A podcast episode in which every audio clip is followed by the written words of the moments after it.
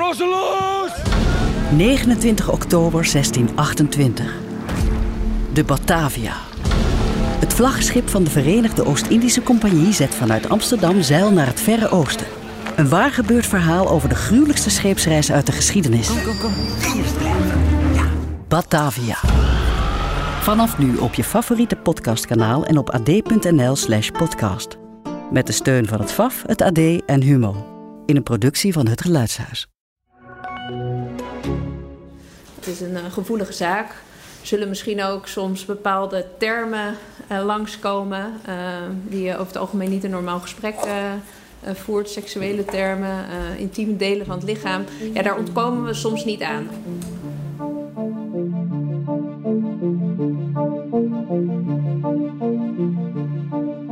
Als een inwoner van een zorginstelling, iemand met een zware verstandelijke beperking, melding maakt tegen haar begeleider, is het diep graven naar de waarheid. Want hoe ga je als rechter om met een aanklacht van iemand met het denkniveau van een kind? En waar haal je bewijs vandaan als er verder niemand bij was? Mijn naam is Emma Ties en je luistert naar de zaak X. Een podcast van het AD in samenwerking met het podcastkantoor, waarin we wekelijks een spraakmakende rechtszaak bespreken. Met deze week ontucht op de woongroep.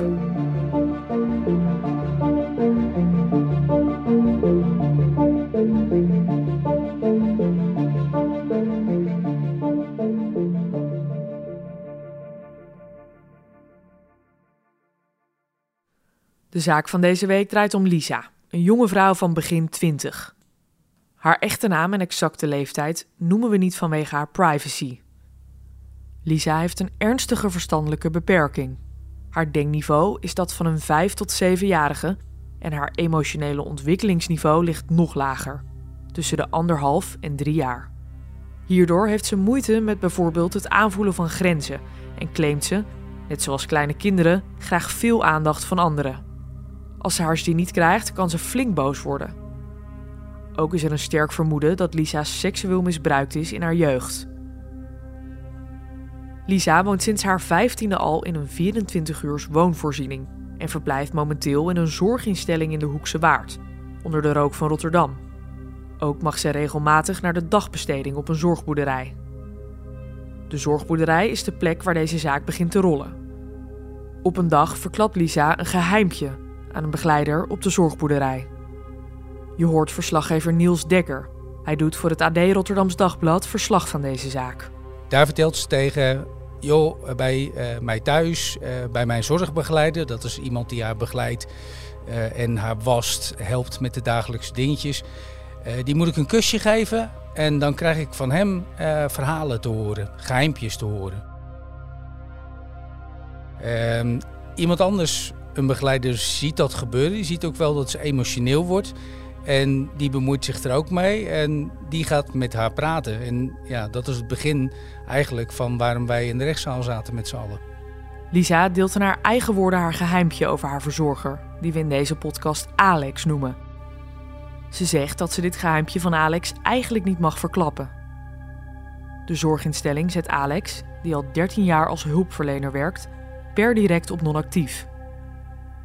Ook zeggen ze tegen Lisa dat Alex haar niet meer zal verzorgen. Lisa is zichtbaar opgelucht. De zorginstelling doet aangifte en Lisa wordt door de politie verhoord in een studio die speciaal voor kinderen is ingericht. Hier vertelt ze meer over haar geheimpje met Alex. Hij zou haar namelijk aangeraakt hebben tijdens zijn werk als verzorger. Nou, Alex helpt haar met haar dagelijkse zaken. Dus helpt haar wassen, uh, aankleden. Ja, wat eigenlijk nodig is. Juist omdat ze zo zeer beperkt is. Ook in uh, haar ja, dagelijkse uh, dingen. Maar tegelijkertijd, en dat werd heel belangrijk tijdens deze rechtszaak, kan ze ook echt best wel veel zelf. Maar bepaalde handelingen gaan dan toch, veten strikken of zo, gaan dan toch misschien wat lastiger. Nou, met dat soort dagelijkse zaken hielp hij haar. alleen zou dat dus te ver zijn gegaan, want ja, ze ging vertellen over wat er nog meer allemaal zou zijn gebeurd. Ja, en dat was toch wel de vraag: is Alex daar niet iets te ver in gegaan in zijn verzorging en hulp? Eerste officier justitie. Wel, meneer de voorzitter. De wordt ervan verdacht dat hij in de periode van 1 september 2022 tot met 18 oktober 2022, terwijl hij werkzaam was als begeleider in de maatschappelijke zorg, ontuchtige handeling heeft gepleegd met die aan zijn zorg was toevertrouwd. Waarbij de ontuchtige handelingen bestonden onder andere uit het kussen op de mond, borst en vagina van het likken aan de vagina van en het brengen van een vinger in de vagina en of anus van Dank u wel.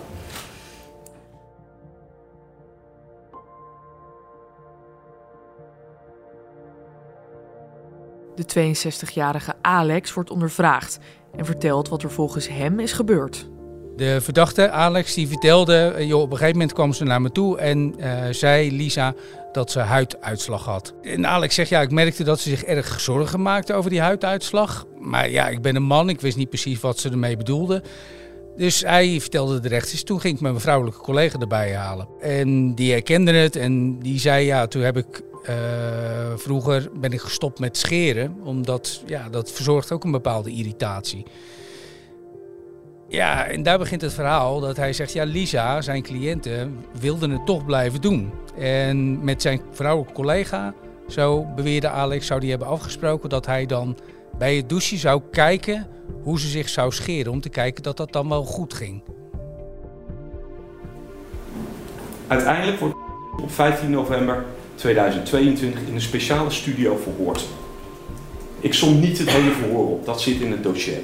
Maar het valt mij op dat in dit verhoor het wederom heeft over het feit dat verdachte aanwezig was bij het douchen, de deur dan op slot deed. Nou, dat kan, zo vertelde ook de organisatie waar deze man werkzaam was.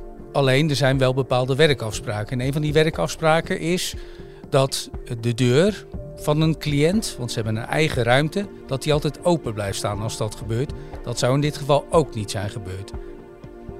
Nou, met de rechters ging hij bij de rechtszaak terug naar dat bewuste moment. En hij vertelde, ja, toen ging ze douchen en dat hij dus inderdaad zag dat ze bobbeltjes, noemde hij het, huiduitslag had. Vervolgens ging Lisa scheren volgens hem. En dat ging fout in die zin dat haar huid open werd gehaald en dat ze ging bloeden. Uh, had, ja, volgens hem was het omdat ze te ruw en te ongestructureerd aan het scheren was.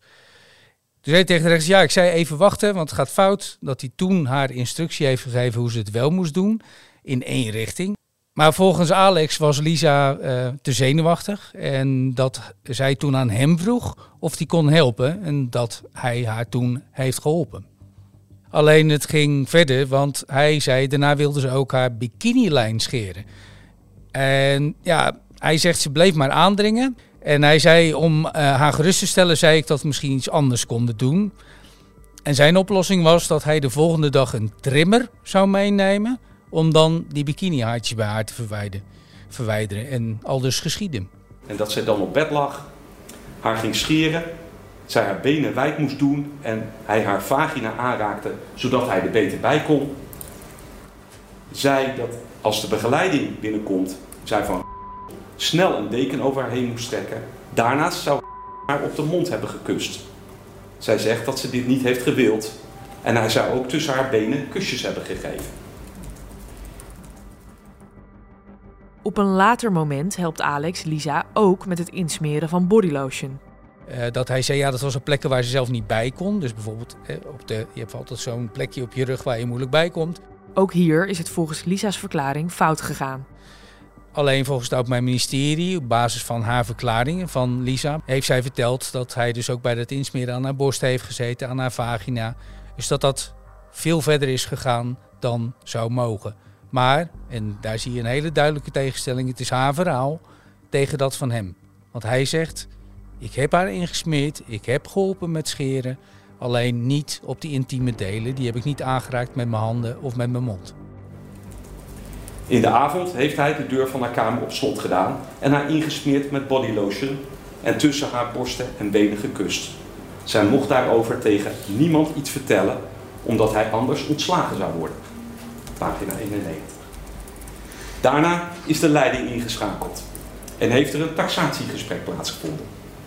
Hierin verklaart dat begeleider na het douchen haar insmeert met bodylotion en op haar borsten en tussen haar benen kust en een vinger in haar punani dan wel in haar kont heeft gestopt. Ook zou hij haar pornofilmpjes hebben laten zien.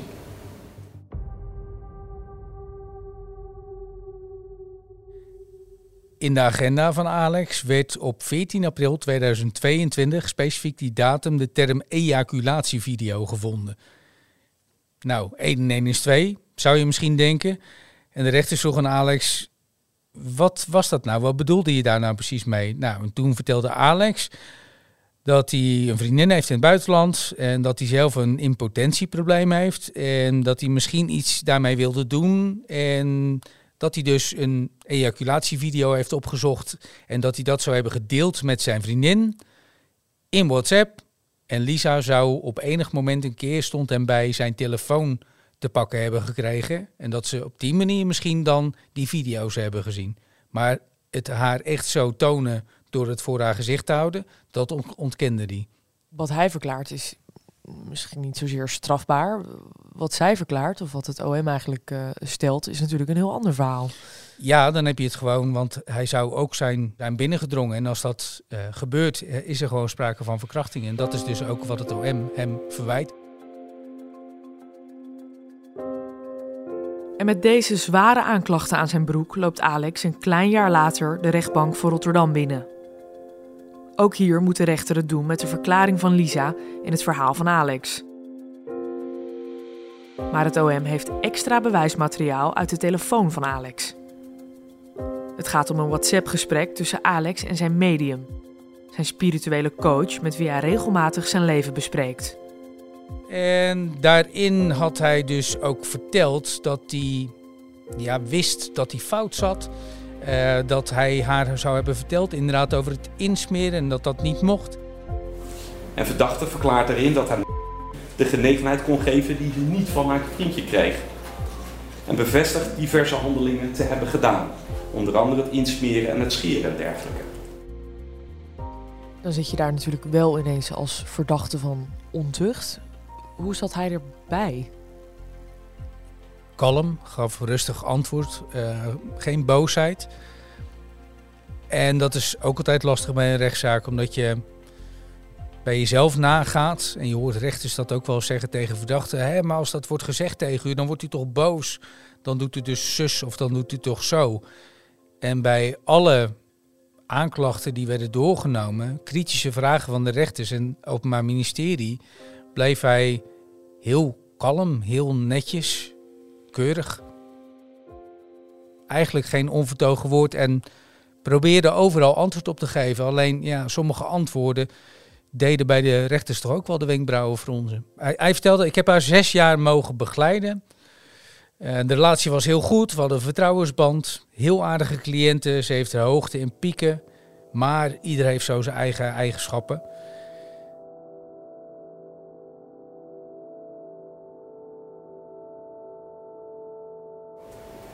Uit het slachtoffergesprek dat ik heb gevoerd met een tweetal begeleidsters, begrijp ik dat nog steeds last heeft van wat verdachte bij haar heeft gedaan. Zij heeft last sindsdien van woedeaanvallen en slikt nog altijd meer medicatie dan voor de momenten waarop de feiten met verdachte hebben plaatsgevonden. Je hoort de advocaat van Alex. Ik wil graag de volle aandacht en het past bij de emotionele ontwikkelingsleeftijd van dat ze moeite heeft haar aandacht te delen. Het contact vanuit is egocentrisch, niet te verwarren met egoïstisch. Haar communicatie gaat vanuit haar wereld en zijn op haar voorwaarden ingesteld. heeft moeite met het aanvoelen van grenzen in relaties. Dit is ook terug te zien in haar relatie met haar vriendje. Ze kan claimend en obsessief gedrag vertonen door zijn volle aandacht te eisen. Dat hoorden we cliënt net ook zeggen heeft hierbij veel ondersteuning en sturing nodig. In deze emotionele ontwikkelingsfase past dat nog geen intern geweten heeft ontwikkeld. heeft regels aangeleerd gekregen, maar nog geen extern geweten om haar te wijzen op de grenzen. Op het gebied van seksualiteit wil veel, wat mogelijk voortkomt uit haar drang om erbij te horen. Maar het is niet duidelijk welke kennis en wensen zij heeft op het gebied van seksualiteit. Ik ga uw rechtbank verzoeken om cliënt integraal vrij te spreken. Er zal worden beargumenteerd dat voor een deel van de handelingen niet is gebleken van wettig en overtuigend bewijs, nu er enkel op onderdelen, van, uh, nu er enkel op onderdelen verklaringen zijn van en die worden niet ondersteund. Daarnaast zitten we echt met een betrouwbaarheidsprobleem van dit meisje met deze forse beperkingen. Voor een ander deel van de te lastig gelegde handelingen zegt de cliënt ook zelf: die zijn door mij. Dat heb ik gedaan, om het maar even zo te zeggen. Maar dit levert geen strafbaar handelen, handelen op. Niels, kun je eens uiteenzetten welk deel van die handelingen Alex nou wel toegeeft en welk deel die niet toegeeft? Er zijn eigenlijk drie handelingen die tijdens de rechtszaak aan de orde kwamen. Dat is één, het insmeren met zeep onder de douche. Ja, is gebeurd, zegt Alex. Maar nee, is niet geweest op de intieme delen. Wat dus feitelijk de verkrachtingsaanklacht van het Openbaar Ministerie is. Het tweede is, ja, zegt Alex, ik heb haar geholpen met scheren, ook haar bikinilijn. Maar nee, ik heb niet zoals het Openbaar Ministerie zegt, ook haar daarbij betast, gezoend en ook niet binnengedrongen. Nou, het laatste is het tonen van een pornofilmpje aan zo'n kwetsbaar meisje. Hij zegt: Nee, heb ik niet gedaan. Het zou hooguit gebeurd kunnen zijn, omdat ze op enig moment een keer mijn telefoon heeft gepakt en dat dat misschien open stond in een gesprek wat ik had met mijn vriendin die in het buitenland zit. Je zou kunnen zeggen: Alex ontkent niet dat die situaties er zijn geweest, alleen wat er bij die situaties is gebeurd. Ja, dat verschilt dag en nacht. En dat maakt echt het verschil tussen hartstikke schuldig en een zware straf of hartstikke onschuldig en superzielig dat je in zo'n situatie wordt gebracht door, laten we dat wel stellen, door een meisje met het emotionele denkniveau van 18 tot 36 maanden en het denkniveau van een kind van 5 tot 7. Nou, daar had het ook mijn ministerie geen boodschap aan, want die wil gewoon dat Alex achter de tralies gaat. Hij heeft al twee weken in voorarrest gezeten. Maar als het aan het Openbaar Ministerie ligt, komt daar een flinke tijd bij. En de eis was ook twee jaar cel, waarvan acht maanden voorwaardelijk. Dus dat betekent een rekensommetje dat je 16 maanden Alex in de gevangenis zou stoppen.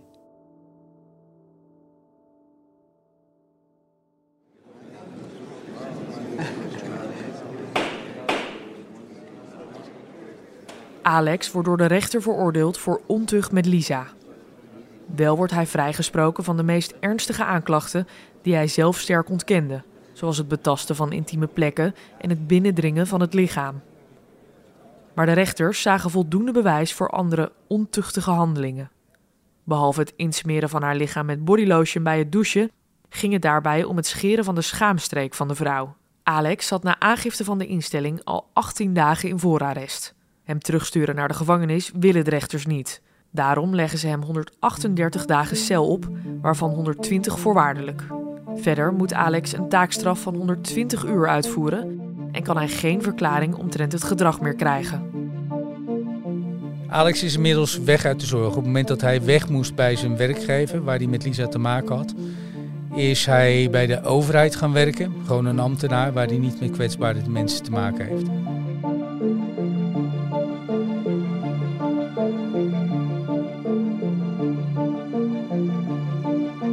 Zaak X is een wekelijkse podcast van het AD. En deze aflevering werd gepresenteerd door mij, Emma Ties. Aan deze podcast hebben meegewerkt David Achter de Molen van het podcastkantoor, Sanne Beijer en Joost de Kleuver. Als je meer details wil lezen over deze zaak, kijk dan op ad.nl/slash de zaak X. Beelden van deze zaak worden gedeeld op de Instagram-pagina van de Zaak X.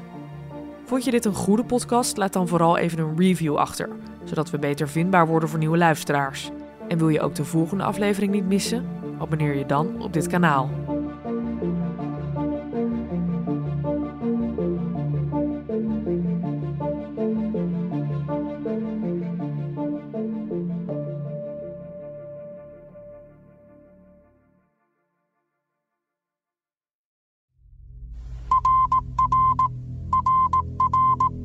Sveriges statsminister Olof Palme är död. Zweden rouwt na de moord op premier Olaf Palme. In 1986 wordt de Zweedse president Olaf Palme vermoord. En vanaf dat moment is de politie van Stockholm met niets anders meer bezig dan het zoeken van de dader. De aanslag werd gepleegd op de hoek van de Tunnelstraat en de Sveaweg. Maar kort daarna wordt er nog een moord gepleegd.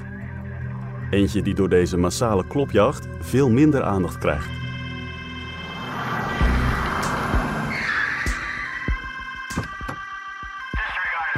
Het is een moord in huiselijke kring, ergens in een buitenwijk van Stockholm. Het slachtoffer is een 30-jarige vrouw. De dader, haar stiefzoon Samir Sabri. En vrijwel gelijk als de politie ter plaatse is, bekent hij haar vermoord te hebben. Maar kort daarna komt Samir terug op zijn bekentenis. Hij is onschuldig, zo zegt hij. Klopt het wat Samir beweert? Is hij echt onschuldig? En als hij de moord niet pleegde, wie dan wel? Je hoort het in De Stiefmoedermoord,